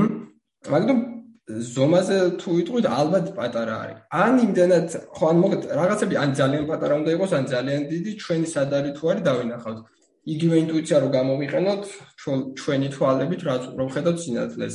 რაღაც თუ ძალიან მაღალი ენერგიის არის, არის ულტრაისფერი და ვერ ხედავთ, რაღაც თუ ძალიან დაბალი ენერგიის არის, არის რადიოტამპერები, მაგასაც ვერ ხედავთ. მაგრამ ნუ ჩვენ თვალებით რო ვერ ხედავთ სხვა ელემენტ, სხვა რაღაცებით გაზომვას ვახდენთ, მაგრამ ენერგიებზე მაგ რაღაცებით ეგეც ჩვენი გაზომვაც რაღაც დიაპაზონისაა. ანუ ამ აქეთ იქ დიაპაზონში უფრო შეიძლება იყოს. აჰა. ხო, აი ეხა მე დამჩა. ხო, ხო, თქვი და მე ვიტყვი მე. თქვი, თქვი რაღაც ამ. მაგრამ ძალიან მაღალი ენერგიის ნაწილაკები რაც არის, შეიძლება გადიოდეს ძალიან პატარა გაზომილებებში და ვერ გახულობდეთ, ან ძალიან დაბალი ენერგიის ნაწილაკები არის, მაგებსაც ვერ გავზომავთ. ეგ უკვე ინფრაწითელის გაგებით. და ეგენ შეიძლება გადიოდეს ძალიან დიდი ზომის განზომილებებში. მაგრამ ხო. ხო ისევ გაწყვეტინებდი მე თვითონ არა არა არა არაფერი არა ნუ პირველი ნაწილი იყო ხო და ნუ მეორე გამიგზელდა სადაც და ნუ მეორე ნაწილი რაც იყო რამდენად ჩატევადი არის ყველაფერი? ერთ პატარა იმაში ნუ ალბათ ისე ელექტრონის მაგალითიც არა ნუ ჩატევადობაც ხო რთული რამე არის იმიტომ რომ ენერგეტიკულად ერთი ძალიან მაღალი ენერგიის რაღაც აი ჩატევადობაზე ფაქტურად შემიძლია ის დავიწყოთ იმის წარმოქმნა აი დიდი აფეთქების დიდი აფეთქება რო წარმოვიდგინოთ ეგ დაგვანახებს ჩატევადობას. ხა დიდი აფეთქებაზე ვიძახით რომ იყო ძალიან პატარა წერტილში სინგულარობა იყო ატომზე გაცილებით პატარა, პროტონზე გაცილებით პატარა. და ვიღაცამ შეიძლება კითხო დასვას, კაი, აბაში გამახედეთ სამყაროში სად იყო და ცას გავხედოთ, ნეტა სად იყო ეს დიდი აფეთქება რაღაც იქ იქ იქ წერტილში. ხო, ასე უნდა იყო ყველგან, უბრალოდ ეს ყველგან იყო ერთი ძალიან პატარა წერტილი. მაგიტო ის დამატებით განზომილებებში შეიძლება მთლიანი პარალელური სამყარო იყოს, რომელიც გაცილებით უფრო დიდი არის ვიდრე ჩვენ. აჰა. ხო, ხო. ეგრეა ხო, ალბათ. აი ხა მოკლედ მე დამრჩა რაღაც აი ესეთი ორი ესეთი შეკითხვა რა, ანუ აა ხო, ადამიანური შეკითხვა. აა ერთი ის რომ რამდენად შესაძლებელია თეორიულად საუბროთ, რა თქმა უნდა, რომ აი ოდესმე ადამიანმა შეუძლოთ მოკლედ დაფიქსირება ამ დამატებით სივრცის განზომილებების და რაღაც დონეზე მოგზაურობაც კიდაც მათი ან აღქმა რაღაც დონეზე რა.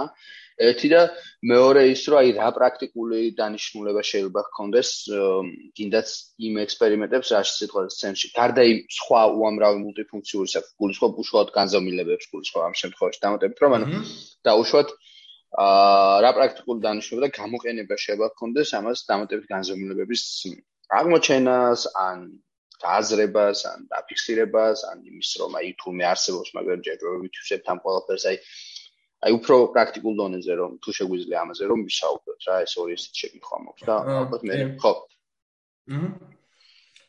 ხო შეგვიძლია თუ არა გასვლა გარეგანზომილებებში კი ძალიან ხო აი როგორც ალბათ თან ამაზე რაღაც არის ალბათ გვინდა ხოლმე მგონი გონი შენს ციკში გაქვს კიდეც რაღაც ეგეთი ჩემ ციკშიც გარეგანსომლებებში გადის თავარი პერსონაჟი. ანუ ფაქტია მაგის მაგის სული ფუნდამენტურად გვაქვს ადამიანებს თუ თუ არსებობს ხო გარეგანსომლებები ეგ ალბათ დამოკიდებული არის იმაზე ჩვენ თავად ვართ მატერია არის დროსიურცისგან დამოკიდებული თუ დროსიურცის უბრალოდ არატრივიალური კონფიგურაცია.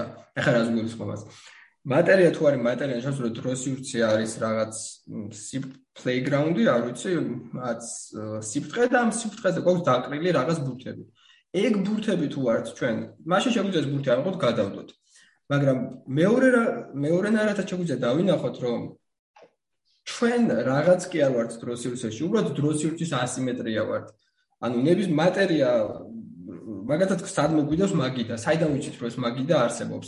შეგვიძლია ვთქვათ რომ აი აი დროსიურცი არის თავისთვის და რაღაც დაუდეთ გარედან. კი, მაგრამ მაგას ერთად შეგვიძლია ვთქვათ რომ დროსიურცი კი არ არის, უბრალოდ რაღაც კი არ დაუდეთ.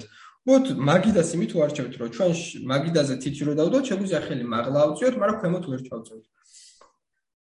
ე მაგას შეგვიძლია დავინახოთ და უბრალოდ დროსიურცე გადატრიალებ კონფიგურაცია არატრივიალური ისეთი არის რომ ფაქტობრივად მოჭმუჭნული არის დროსიურცი, მოდი ესე ვთქვათ, რაღაც წერტილში. მაგ შემთხვევაში ჩვენ თავად ვართ დროსიურცის ნაწილი. ანუ ამ სიფტყის მოჭმუჭნულობა ვართ ჩვენ, ამ სიფტყის არატრივიალურობა. ეს ეს მაგ შემთხვევაში ნუ ჩვენ ფაქტობრივად ფურცელი რო ვთქვათ, რომ დროსიურცი არის, ბრტყელი როცა ფურცელი ვაკუუმია, მოჭმუჭნული სადაცაა, იქ არის ასიმეტრიულობა მარჯვ-მარცხნასთან და იქ ასიმეტრიულობა შეიძლება იყოს ელექტრონი, შეიძლება იყოს ძაღლი, შეიძლება ვიყოთ ჩვენ. მაგ შემთხვევაში ფაქტიურად ჩვენ თავად თუ ფურცელი ვართ, ჩვენ თავად დროსიურცე ვართ და ვერ ვერ გავალდგარით, ხო? მაშინ დროსიურცე თუნდაბია რომ მიჯაჭვული ვართ. ეგ ახლა მოსაწყენი არის. მეორე ვარიანტი უფრო საინტერესოა, კი. თუ ამ ფურცელზე დაყრილი რაღაცები ვართ, მაგ შემთხვევაში შეგვიძლია ავიღოთ და გავიდეთ გარე განზომილებებში. ხა პრაქტიკული ну რა თქმა უნდა საინტერესოების გარდა პრაქტიკული გამოყენება რა იქნება და ну როგორი ხო როგორი არის? მაგაზე ალბათ ის ელექტრონიკა ვიხსენოთ ისევ რომ შეება გაცილებით მეტი იყოს და შეება პირიქით გაცილებით ნაკლები იყოს ხო? აა ხო. პრაქტიკული გამოყენება ხო საინტერესოა. აი ნუ ისეთ განზომილებაში თუ გადავალ სადაც დრო გეომეტრია ნუ მაგ უკვე საშიში არის თამაში არის ეგ მაგრამ ნუ დროს მარტო სივრცის გადაწევა კი არ შეგვიძლია დროის დროსთან თამაში შეგვიძლია ხო ანუ იმ ფირთან თუ შეგვიძლია გვექნება წუთომა ხო ხო ანუ ხო ნუ დროში მოგზაურობა ცხადია ა ყველაზე არაპრაქტიკული პრაქტიკული გამოყენება ალბათ და სხვა მხრივ არის ბროდ ბევრის აი ჰერმიონას ჩანთის გაკეთება შეგვეძლება მაგალითად. ან დოქტორ ჰუს თარდისის ახლობით ერთ და იგივე ტექნოლოგია და იგივე იდეა მაგათ ხო და ნუ რაღაც შემდეგ აი პირდაპირ მნიშვნელობის შემდეგ ლეველზე ასვლა შეგვეძლება. კი კი კი კი. პირ ეგ შემდეგ ლეველზე ასვლა ნამდვილად ნამდვილად ის არის კი. და აი ეხლა ხო თქვი და მე რა. ხო, ის ისევ იმაზე რო თქვა, რომ პასუხი და კითხვაზე რისი გაკეთება შეგვეძლება ყველაზე კარგი პასუხი ალბათ ესე ვიტყოდი, რომ გვეცოდინება რა გვაქვს არჩევანში. ეხლა ეგეც არ ვიცით, ანუ როგორც ეხლა ის არ ვიცით თავარი პასუხი მივიღოთ კი არა, თავარი კითხვა როგორ დავსვათ, ეგეც კი არ ვიცით, მე რა გვეცოდინება მაგ კითხვის დასმაც. და ნუ მეც გვეცოდინება რა გვაქვს არჩევანში და საიდან ავარჩევთ. ხო, არა, ეგ არის დავარი ამსავალი მართლა, ხა რომ შეკითხვა, შეკითხვა უნდა ვიცოდეთ რა სწორ და მე აქედან რაღაც პროცესები დაიჭრება. ხა გამახსენდა ფარადეის, მგონი ფარადეის რო კითხეს ელექტრომაგნეტიზმის წარმოჩენისას რა პრაქტიკული გამოყენება შეიძლება ქონოდაო, თავად ფარადეიმ თქვა, წარმოქმნა არა მაქვს აზზე არა. ნუ დღეს ხედავთ რა ქონია რაღაც გამოყენება. კი. ხო, ეგ არის რამდულად და რა ვიცი, ანუ აა შეგვიძლია ალბათ რაღაც დასასრულისკენაც წავიდეთ აა რამე ისეთი ხო არ არის რაც სიტყვაზე გინდა რომ კიდევ ვისაუბროთ ამ თემაზე იმიტომ რომ ისეთი თემაა რა როგორც ჩანს რომ აი სმენელს მიხვდება და ვინც გვისმენს მიხვდება რომ ფართო თემა და უცებ შეგიძლია ნებისმიერ რაღაცა რაღაცაზე გადახვიდე და რა რამე ხო არ არის ისეთი რაც ვფიქრობ რომ შეგვიძლია კიდევ თემას აა ну ცხადია ბევრი რამე არის მაგრამ მაგაზე შეგვიძლია თქვა ზუსტად გადასვლაზე რომ როგორც ვლაპარაკობთ ჩვენი ნეირონული ქსელის შეწყვილებაზე ერთ-ერთი ეგეც არის რომ იმდენად ბევრ ამაზე შეგვიძლია ხო ხას გადასვლა მაგრამ გვიწევდა გადმოსვლა გაგრძელება. ერთ-ერთი მაგალითი არის რომ ჩვენი აზროვნების პროცესი წრფივი არის.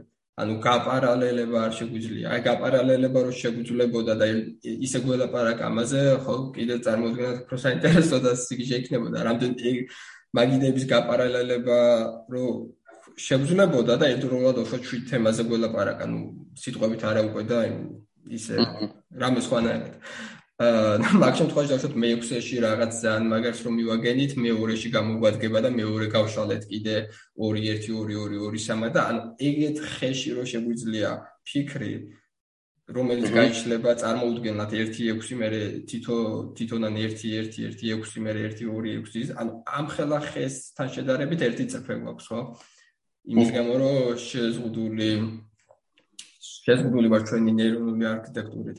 და ეგ ეგეც კაი მაგალითი ალბათ ფართო ნეირონული არქიტექტურა რამდენად ბევრ მაგალითს მოგწევს ჩვენივე ეს პოდკასტი კაი მაგალითი არის მაგის. ოჰ და რავი ალბათ ბოლო შეკითხვა მაქვს ესეთი რომ აი თეორიულად რა შეგვიძლია ვთქვა თვითონ რაოდენობაზე რა არ ვიცი თუ ვისაუბრეთ ამაზე იმდენ ამაზე ვისაუბრეთ რომ იმდე არ გამოგჩა ეს რომ აი არის რაღაც ლიმიტი რაც იტყოდნენ რომ მაგალითად აი ხო ამოთხრე ხა რაღაც აი ამატებითი განზომილება სიტყვა სიმების თეორია ამბობს რომ ამდენი განზომილება დამატეთ აი არის რამე ლიმიტი რაც გეუბნება რომ აი ამდენი და მაქსიმუმია ეს თუ აი როგორც სამყაროზე თუ სასრულო შეება სასრულოდ იყოს ეს დამატებითი განზომილებებიც და ასე შემდეგ. ხო ლიმიტი ხო ნუ ნამდვილი პასუხი თუ არ პასუხი თუ არსებობს ალბათ პასუხი ანუ თუ იტყვით პასუხი თუ არსებობს ის პასუხი ალბათ ფინიტური უნდა იყოს ხო ანუ რომ ვიკითხავთ რამდენია ამდენი თუ გითხრას აჰა ესე იგი არის ლიმიტი ხო ხო, ამიტომ ძალიან კაი კითხვა არის, იმიტომ რომ ეგ თითქმის იგივე აა თითქმის იგივე კითხვა რომ ვიკითხოთ არსებობს თუ არა პასუხი და შეიძლება პასუხი იყოს რომ არა ყოველ დღე გენერირდება ახალი და უშუალოდ განზომილებები არ ვიცით რა როგორღაც რაღაცნაირად. მაგრამ უსასრულოდ ბევრი განზომილებები ესეც რო არ წავიდეთ 7 8 9 10 11 12 აა თუ ვიტყვით რომ უწყვეტი ცალი განზომილება შეიძლება იყოს 1.1.1.2 მაშინ 4-დან 5 განზომილებამდეც კი უსასრულოდ ბევრი განზომილება შეიძლება იყოს. შეიძლება ირაციონალური რიცხვი ცალი განზომილება გქონდეს. ანუ მაგ შემთხვევაში 4 და 5 შორის უსასრულობა ისედაც არის თუ უწყვეტობას დაუშვებთ. ხო. ამიტომ ხო, ალბათ ალბათ არ არ არის. არა, არის მაშინ მაშინ პასუხი არ, მაშინ პასუხი არსებობს. სხვა კითხვა უკვე რამდენად მიგნებადი არის დღეს ჩვენთვის, მაგრამ აჰა. ხო. მოკლედ რავი ალბათ აი ლიმიტი არ არის ფონზე შეგვიძლია დავასრულოთ და კი კი მე მგონი მართლა ეგრეა ყველაფერში რა აი რა ვიცი ვაფშე დაუკვირდე სიმცირეც და სიდიდის მხრივადაც ეგრეა ხო აი რაღაცა მმ დემოკრატია არის ხო პირველმა რო თქვა რომ სიტყვაზე ატომის იდეა რო წამოაყენა და ნუ მე რა აღმიხო ატომის ხო იდეა გაი რომ ყველაზე მცირე რომელიც არის ხლიჩება არის არის შლება და ნუ აღმოჩნდა რომ ატომიც არსებობს და რა ვიცი ელექტრონის ასე შემდეგ და დღემდე ხო არ ვიცით ბოლომდე ხო? რამდენი შეიძლება იყოს და იგივე არის სამყაროს ანუ რაღაცა ძალიან იმაში ვართ რა მოკლედ ანუ არც ყველაზე მცირე არსებობს არც ყველაზე დიდი არსებობს და უსასრულო შეიძლება იყოს სიმცირეს და სიდიდეს და ხო და მანდაც ისე ვიქმნებდივართ რომ ისევ ჩვენი გამოგონილია ეს სიმცირეს და სიდიდეს და კი კი კი კი აი დრო დრო თუ დაგვჭა მაგაზეც ლამაზი პარადოქსი არის შეიძლება თქვი ზუსტად მაგას ამტკიცებს. აა რატო თავად სივრცეც ჩვენი გამოგონილი რატო არის და ბოლომდე რატო რატო არ არის ეფექტური ასე ვთქვათ. იმიტომ რომ ზუსტად ლიმიტები უნდა განვიხილოთ და მალე ნახულობთ რომ ან მაგდო განზომილებებიც კი არა და შეიძლება რამე სხვათი აღიწერებოდეს ხო სამყარო. ახლა თელ სამყაროს აღწერთ დროს იურცით და ყველაზე ფუნდამენტური ეგ არის ხო ამაზე ამდენი ხანი ვლაპარაკობთ, მაგრამ თავად დროს იურცე რო განვიხილოთ თვითონ ლოგიკურად შეუთანხმებელი არის. და ეგ უკვე სასაცილოა და რაღაცა რაც ლოგიკურად შეუთანხმებელი არის, მაგით მთლიან მეცნიერებას ვაგებთ და როგორღაც გამოდის. ეხლა რატო არის ლოგიკურად შეუთანხმებელი? Ну სიუცეზე რო დავიწყოთ ლაპარაკი, ესეთი კითხვა შეგვიძლია დავიწყოთ დიდ ლიმიტებში უსასრულოა თუ სასრული. ხა უსასრულობას ვერ წარმოვიდგენთ, იმიტომ რომ ნუ რა ვთვლი, მივდივართ ესე ვდებით რაღაცას და დავშოთ ყველა 1 კილომეტრში რაღაცა დავდოთ. ეს პროცესი უსასრულოდ წარმოვიდგენთ, თუ ჯერ ანუ ეხლა რა თეორიებიც გვაქვს, რომ უსასრულობა ფიზიკური არ არის, მათემატიკური არის. და ეხლა სასრულიო რო წარ ვიღაცამ გითხრას, კაი, აი აქ დავდეთ, სასრულია კედელი არის.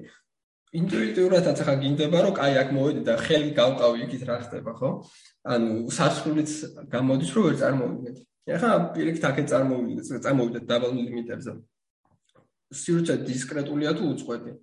ხა თუ უწყვეთ რომ დისკ უწყვეტია, მაშინ შეგვიძლია ერთი რაღაც მონაკვეთი ავიღოთ და ორად გავყოთ უსასრულოდ, გავყავით ორად, გავყავით ორად და არასოდეს არ გავჩერდეთ. ხა ეგ უსასრულოდ რომ არ შეგვიძლია რაღაცის კეთება, ხო? იგივე ის გამო რომ გჯერა რომ უსასრულობა არა ფიზიკური, მაგრამ ეხლა წარმოიდგინე დისკრეტული არის. დისკრეტული არის რომ ვიღაცა გითხრა რომ აი ესა ერთი ბიტი, აი ეს არის ერთი ბურთი. და ამის ქვემოთ ვეღარ ჩავხვალ. მაგრამ ამას ორად ვერ გაყოფ, მაგრამ მაგის წარმოქმნა არ შეგვიძლია. ჩვენ არ შეგვიძლია ისეთი ბურთის წარმოქმნა, ნებისმიერ რამე დავხვჭე თვალები წარმოიდგინე რომ ორად ვერ გაყოფ. რაც არ უნდა წარმოიდგინო რამე არსებული ორად გაყოფადი იქნება. აჰა ამიტომ დისკრეტულიც არ წარმოგიდგენია. და აგეთო ჩვენი სივრცე, რომელიცაც ერთ-ერთი ფუნდამენტური არის, ხო, დროს სივრცეში.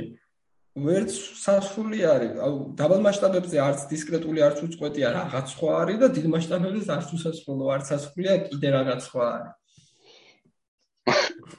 მოკლედ რაღაცაშია საქმე და გავარკვიეთ რა ხდება.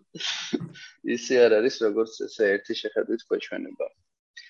რავი. ე, მაგრამ ჯერჯერობით ნუ მეცნიერებამ რა თეორიებიც შემოიტანა ბევრი რამე კარგად ახსნა. მიუხედავად იმისა, რომ ფუნდამენტურად არ ვიცით რა არის ეს დროს ირჩის თეორია, რომელიც დაიწერა 100 წლის წინ, იცი და სამეთ ყველა რომ სივრცის დეფორმაცია იქნებოდა, გრავიტაციულ რამეს თუ დავდებდით დრო უფრო ნელა წავიდო და ასე და გაიზომა მართლა ეგრე იყო აი ცერზეც რაც ნაწილაკები არის მაგალითად 7 ნანოწამი ცხოვრობენ რომ უყურებთ როცა ისე ვიცით რომ 1 ნანოწამი უნდა იცხოვრონ მას 7 კი არ ცხოვრობენ და გაზომოდი არის და გაზომილი არის უკვე ხო? 7 კი არ ცხოვრობენ უბრალოდ დრო არის შენელებული მათთვის და ისინი თავის ანუ თავის თავთან 1 ნანოწამს ცხოვრობენ მაგრამ ჩვენ გარ უყურებთ შენელებული რადგან ამისით რომ გონია რომ 7 ცხოვრობენ. და ეგ რაღაცები არის გაზომილი და ეგეც ხო ეგეც პარადოქსულია იმიტომ რომ ისეთი რაღაც რაც ფუნდამენტურად თავის თავთან შეთანხმებული არ არის გვაძლევს ესეთ კარგ წინასწარმეტყველებებს როგორც დროსურჩის დეფორმაცია, შავხრელები, ბნელი ენერგია გრავიტაციული ტალღები. გრავიტაციული ტალღებიც ტალღებს ვიღაც რო ახსენებს, გონია რომ არის დროსურჩეში რაღაცეების მოლეკულების რხევა, მაგრამ გრავიტაციული ტალღები არ არის არაფრის რხევა არაა დროსურჩეში, თავად დროსურჩის რხევაა. როცა ორი შავხროლი ეჯახება, იმდენად დრამატული ეგრო თავად დრო სივრცე იწყებს ოსცილაციას და ეგენიც კი გაზომილია.